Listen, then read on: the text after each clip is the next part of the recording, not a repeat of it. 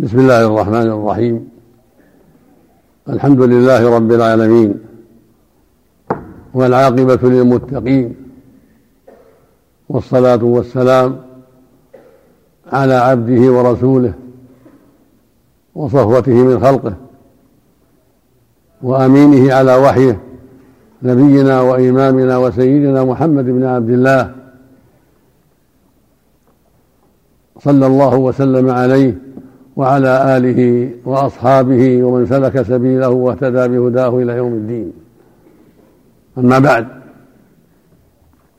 فإني أشكر الله عز وجل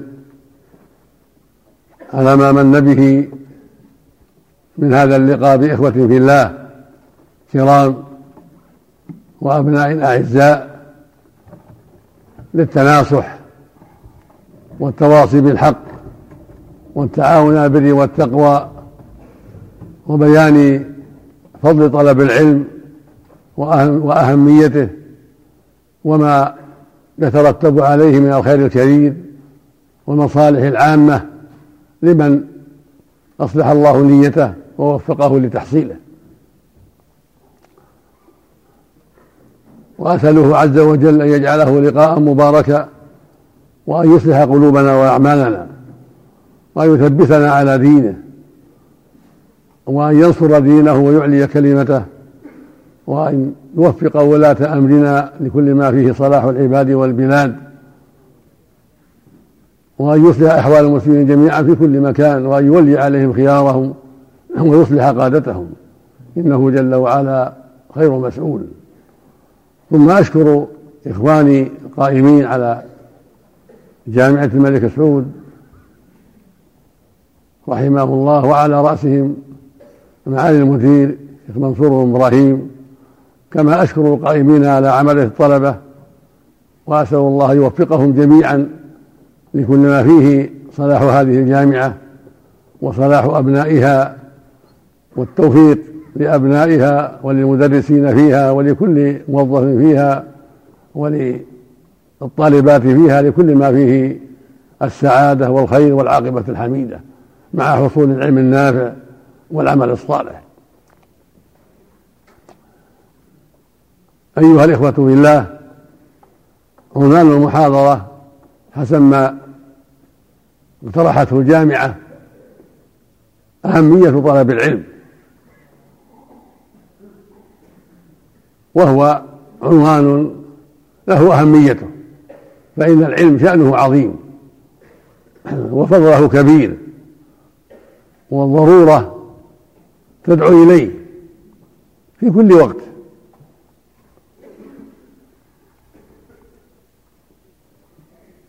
والعلم عند الإطلاق بين المسلمين هو علم الشريعة هو العلم بما قال الله ورسوله هو العلم الذي يعرف به حق الله وحق عباده هو العلم الذي يوصل من استقام عليه وعمل به إلى دار الكرامة والسعادة. هو العلم الذي يحصل به توجيه الناس إلى الخير وتعليمهم ما أوجب الله عليهم وتحذيرهم مما حرم الله عليهم. هو العلم الذي به تعرف أسباب السعادة ليسلكها المؤمن ويأخذ بها والمؤمن كذلك وتعرف به أسباب الهلاك حتى تجتنب ويحذرها المؤمن والمؤمنة. وقد أثنى الله على العلم وأهله كثيرا في كتابه الكريم وعلى لسان رسوله الأمين عليه الصلاة والسلام. فمن ذلك قوله جل وعلا شهد الله أنه لا إله إلا هو والملائكة وأولو العلم قائما بالقسط لا إله إلا هو العزيز الحكيم فأخبر سبحانه أنه يشهد وهو أصدق شاهد وأعظم شاهد بأنه لا إله إلا هو. أي لا معبود حق سوى سبحانه وتعالى. هو يشهد لنفسه بذلك وهو أعظم شاهد وأصدق شاهد كما قال جل وعلا فاعلم أنه لا إله إلا الله. قال سبحانه وإلهكم إله واحد لا إله إلا هو الرحمن الرحيم. قال عز وجل إنما إلهكم الله الذي لا إله إلا هو وسع كل شيء علما. قال سبحانه وما أمروا إلا ليعبدوا الله مخلصين له الدين حنفاء. هو سبحانه الواحد الأحد الذي يستحق العبادة دون كل ما سواه. والذي له الأسماء الحسنى والصفات العلى فهو الكامل في ذاته وأسمائه وصفاته وأفعاله لا شبيه له ولا ند له ولا مثل له ولا يقاس بخلقه عز وجل بل له, بل له, بل له المثل الأعلى في السماوات وفي الأرض يعني له الوصف الأعلى من كل الوجوه سبحانه وتعالى. ولهذا أخبر عن نفسه بأنه الإله الحق ومستحق العبادة. كما قال عز وجل ذلك بأن الله هو الحق وأن ما يدعون من دونه هو الباطل. الآية من سورة الحج. ويقول سبحانه وقضى ربك ألا تعبدوا إلا إياه. ويقول عز وجل إياك نعبد وإياك نستعين. المعنى إياك نعبد وحدك وإياك نستعين وحدك. فهو المستحق لذلك جل وعلا دون كل ما سواه. فالعبادة حقه وحده. ليس للملائكة ولا للأنبياء ولا الأصنام ولا للأشجار والأحجار ولا للجن ولا غير ذلك. ليس لأحد فيها شركة بل هي حق الله وحده سبحانه وتعالى. ثم استشهد بعد ذلك بالملائكة. وهم عباده المكرمون الذين لا يسبقونه بالقول وهم بأمره يعملون. يعلم ما بين أيديهم وما خلفهم. ولا يشفعون إلا لمن ارتضى وهم من خشيته مشفقون عليهم الصلاة والسلام. يشهدون عليهم الصلاة والسلام بأن الله هو الحق وهو الإله الحق المستحق للعبادة جل وعلا. ثم استشهد أيضا بأولي العلم. فأولو العلم بالله وبدينه هم يشهدون له بالوحدانية من رسله وأنبيائه وأولي العلم من خلقه من جن وإنس. من رجال ونساء يشهدون له بالوحدانية وأنه مستحق العبادة جل وعلا. وهذا شرف عظيم للملائكة وأولي العلم أنهم يشهدون لخالقهم وبارئهم أنه الإله الحق سبحانه وتعالى وأنه مستحق لأن يعبد دون كل ما سواه. فأولو العلم كلمة تشمل الرسل والأنبياء والملائكة أيضا من عطف الخاص على العام من عطف العام على الخاص وتشمل أيضا العلماء من أتباع الأنبياء من جن وإنس من رجال ونساء. كلهم يشهدون بأنه سبحانه لا إله إلا هو. يعني لا معبود حق سواه. وكفى بهذا شرفا لأهل العلم أن يكونوا شهداء لله بالوحدانية. ويقول جل وعلا في موضع آخر يقول سبحانه يرفع الله الذين آمنوا منكم والذين أوتوا العلم درجات. قبلها يقول سبحانه يا أيها الذين آمنوا إذا قيل لكم تفسحوا في المجالس فافسحوا يفسح الله لكم. وإذا قيل انشزوا فانشزوا يرفع الله الذين آمنوا منكم والذين أوتوا العلم درجات. فالإيمان وصف عام وأهل العلم وصف خاص عطف على المؤمنين من الرسل وغيرهم. فهذا شرف عظيم لأولي العلم أن الله يرفعهم مع أهل الإيمان درجات وهم من خواص أهل الإيمان. فهو رفع لهم من جهتين من جهة أنهم من أهل الإيمان ومن جهة حملهم للعلم الشرعي.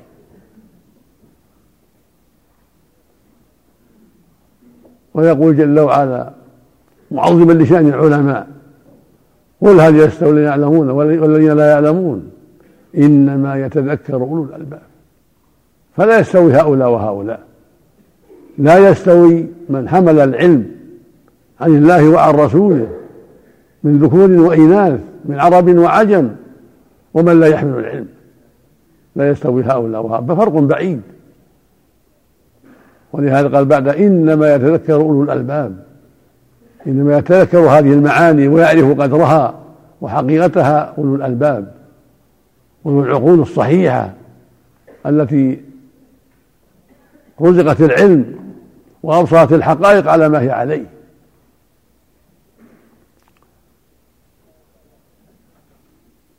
والآيات في فضل العلماء وطلب العلم كثيرة. ومن ذلك ما جاء في الصحيحين من حديث معاوية رضي الله عنه عن النبي عليه الصلاة والسلام أنه قال من يرد الله به خيرا يفقهه في الدين. وهذا فضل عظيم لأهل العلم وطلبة العلم. يبين عليه الصلاة والسلام أن من أراد الله به خيرا في الدنيا والآخرة لأنه أطلقه عليه الصلاة والسلام. من يريد الله به خيرا يعني في الدنيا والآخرة. يفقهه في الدين يمنحه الفقه في الدين والبصيرة فيما خلق له من عبادة الله وطاعته.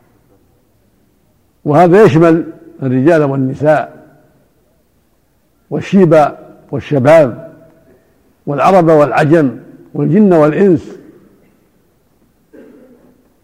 يشملهم هذا الحديث. وأن من أراد الله به خيرا من الرجال والنساء والعرب والعجم والجن والإنس يفقهه في دينه سبحانه وتعالى.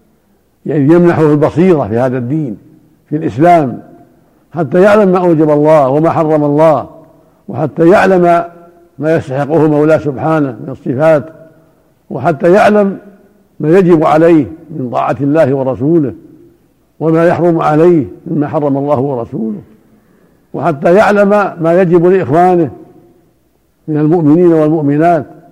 وحتى يجب يعلم ما يجب عليه أيضا من حق العباد والخلائق. من يريد الله به خيرا يفقهه في الدين. فيكون بصيرا بأمر الله بصيرا بحق الله بصيرا بحق عباده بصيرا بحق المخلوقات حتى من البهائم.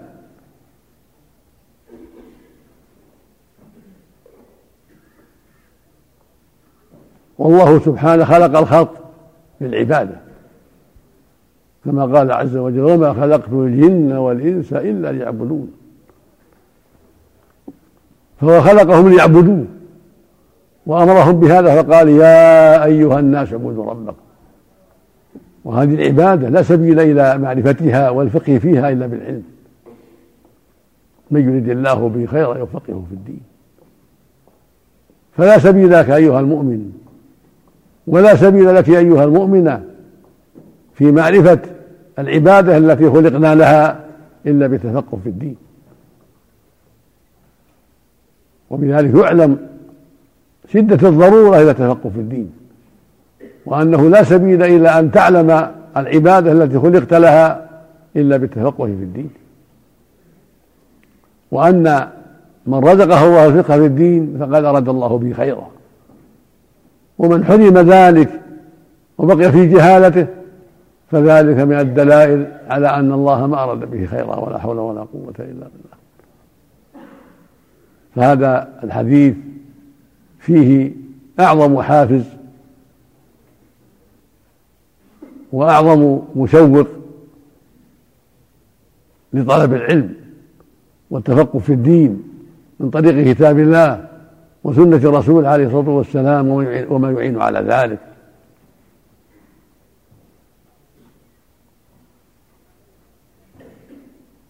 ولا ريب أن هذا يحتاج إلى صبر ومصابرة. فالعلم لا ينال بالهوينة بل يحتاج إلى صبر ومصابرة وعناية بطلب العلم ومراجعة العلوم ودراستها والمذاكرة فيها مع الزميل والزملاء والسؤال للأستاذ وما ومن يظن أنه عند ومن يظن أن عنده علما إذا أشكل عليه شيء. ولهذا شرع الله لنا أن نتواصى بالحق وأن نتعاون بالبر والتقوى وأن نصبر في طلب العلم وفي طلب المعالي كلها. فيقول جل وعلا والعصر إن الإنسان في خسر إلا الذين آمنوا وعملوا الصالحات وتواصوا بالحق وتواصوا بالصبر. ويقول عز وجل واصبر لنبيه واصبر وما صبرك إلا بالله. واصبر لحكم ربك فإنك بأعيننا. فاصبر كما صبر أولو العزم من الرسل. واصبروا إن الله مع الصابرين. ويقول النبي صلى الله عليه وسلم من يتصبر يصبر في الله وما أعطي أحد عطاء خيرا وأوسع من الصبر. ومما ينبغي للمؤمن والمؤمنة لتحصيل العلم مع الصبر على طلبه والمدارسة فيه والمذاكرة وحفظ المتون والسؤال عما أشكل. مع هذا كله لا بد من طاعة الله لا بد من الحذر من المعاصي. فإن من أعظم أسباب التحصيل الاستقامة على طاعة الله الحذر من معاصي الله. يقول جل وعلا والذين اهتدوا زادهم هدى وآتاهم تقواهم. ويزيد الله الذين اهتدوا الذين اهتدوا هدى. فلا بد في حق الطالب والطالبة. لا بد من الصبر. لا بد من جهاد النفس حتى يستقيم الطالب على طاعة الله ورسوله. وهكذا الطالبة. فمن أعظم أسباب التحصيل مع الاجتهاد وسؤال الله التوفيق من أعظم أسباب ذلك العمل بالعلم. والاستقامة على ما دل عليه العلم. بترك المعاصي والاستقامة على ما أوجب الله ولزوم السمت الحسن والاستقامة على الخير. ولهذا يقول بعض السلف رضي الله عنهم من عمل بما علم أورثه الله علم ما لم يعلم. وهذا معنى قوله جل وعلا والذين اهتدوا زادهم هدى وآتاهم تقواهم. ويقول الشافعي رحمه الله شكوت إلى وكيع سوء حفظي فأرشدني إلى ترك المعاصي. وقال أعلم بأن العلم نور ونور الله لا يؤتاه عاصي. ويروى عن مالك رحمه الله أنه قال للشافعي لما جلس بين يديه ورأى حرصه على العلم وما منحه الله من الذكاء والفهم قال إني أرى الله قد ألقى عليك من نوره فاحذر أن تطفئه بالمعاصي أو كما قال رحمه الله. فالوصية لجميع الطلبة والطالبات الوصية الجد في طلب العلم. والحرص على تحصيله بالأسباب التي تعين على ذلك من حفظ المتون والمذاكرة وحفظ الوقت.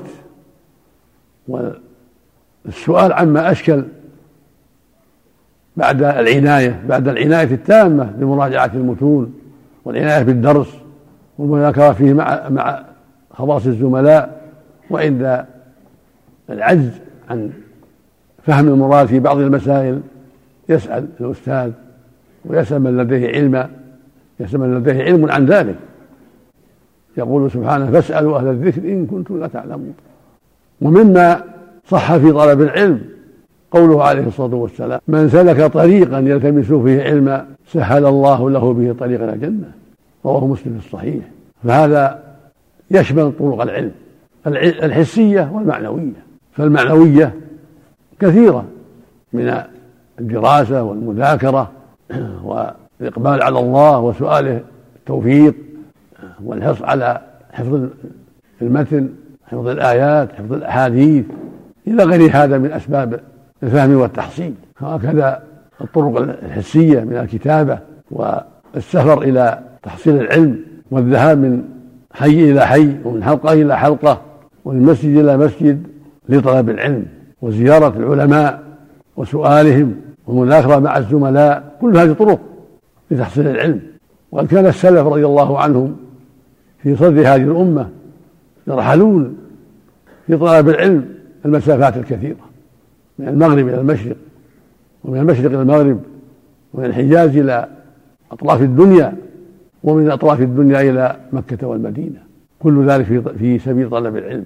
وكانوا يتعبون أكثر من تعبنا اليوم.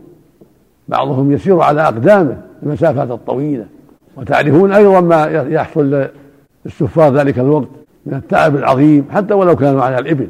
أما اليوم فقد تسهلت الأسفار في أرجاء المعمورة لتحصيل العلم ولغير ذلك من المقاصد والمطالب. فجدير بطالب العلم أن يعنى بأسباب التحصيل وطرق التحصيل المعنوية والحسية. ويتذكر قوله عليه الصلاة والسلام من سلك طريقا يلتمس فيه علما سهل الله له به طريق إلى الجنة.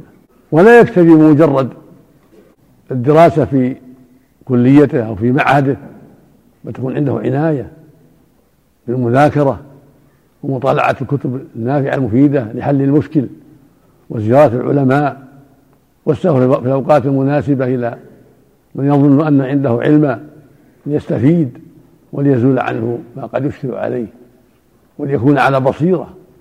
ولنا في السلف الصالح قدوة حسنة وقد ارتحل موسى كما تعلمون رحله عظيمة وهو نبي نبي الله ورسوله وكليمه ارتحل من بلاد الشام إلى مجمع البحرين ليلتقي بالخضر لطلب العلم وهو رسول وكليم الله فكيف بغيره؟ ثم من أعظم الأسباب الحافزة كما تقدم لطلب العلم والتفقه في الدين أنه الوسيلة الوحيدة التي يتمكن بها المؤمن من معرفة ما أوجب الله وما حرم الله وما يرضي الله ويقرب لديه وما يباعده من غضبه ليس له وسيلة إلا العلم. قال الله قال رسوله.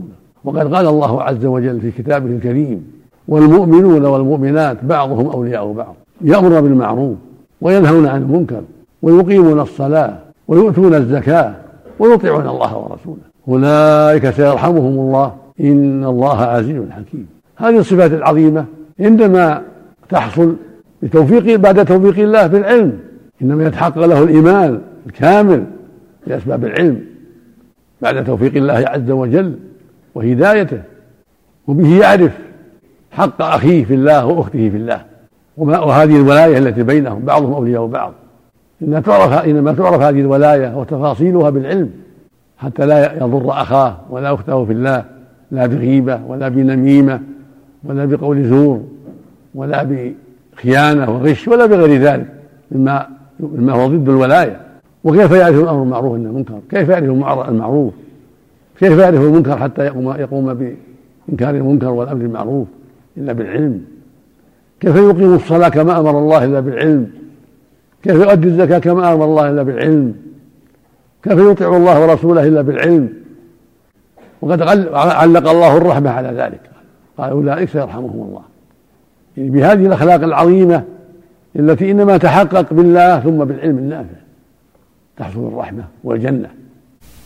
ولا ينبغي للطالب رجلا كان أو إنثى لا ينبغي له أن يقتصر على مجرد دراسته الخاصة النظامية بل, بل يجب أن تكون عنده همة عالية لتحصيل العلم بكل طريق وبكل وسيلة. زيادة على ما حصله في الدراسة النظامية. يزداد في حل المشاكل والمزيد من العلم ومراجعة أهل العلم والمذاكرة مع الزملاء الأخيار ومطالعة الكتب المفيدة لحل المشاكل وإيضاح الدليل وكشف الشبهة والرد على المخالف حتى تكون عنده المعلومات الكافية والبصيرة النافذة. في ما أعطاه الله من العلم. والله المسؤول أن يوفقنا وإياكم للعلم النافع والعمل الصالح وأن يصلح قلوبنا وأعمالنا جميعا وأن يهدنا جميعا صراطه المستقيم وأن يعيذنا من شرور أنفسنا وسيئات أعمالنا وأن يوفق جميع المسلمين وجميع ولاة أمر المسلمين لكل ما فيه صلاحهم وسعادتهم في الدنيا والآخرة. وأن يوفق ولاة أمرنا لكل لكل خير. وأن يجزيهم عن جهودهم الطيبة وأعمالهم الطيبة في صالح المسلمين عموما وفي صالح هذه البلاد وأهلها جزاء حسنا. وأن يضاعف مثوبتهم ويصلح لهم البطانة وأن يوفقهم لكل ما فيه صلاح العباد والبلاد. في الداخل والخارج إنه, جو إنه جل وعلا جواد كريم. وصلى الله وسلم وبارك على عبده ورسوله نبينا محمد وعلى آله وأصحابه وأتباعه بإحسان.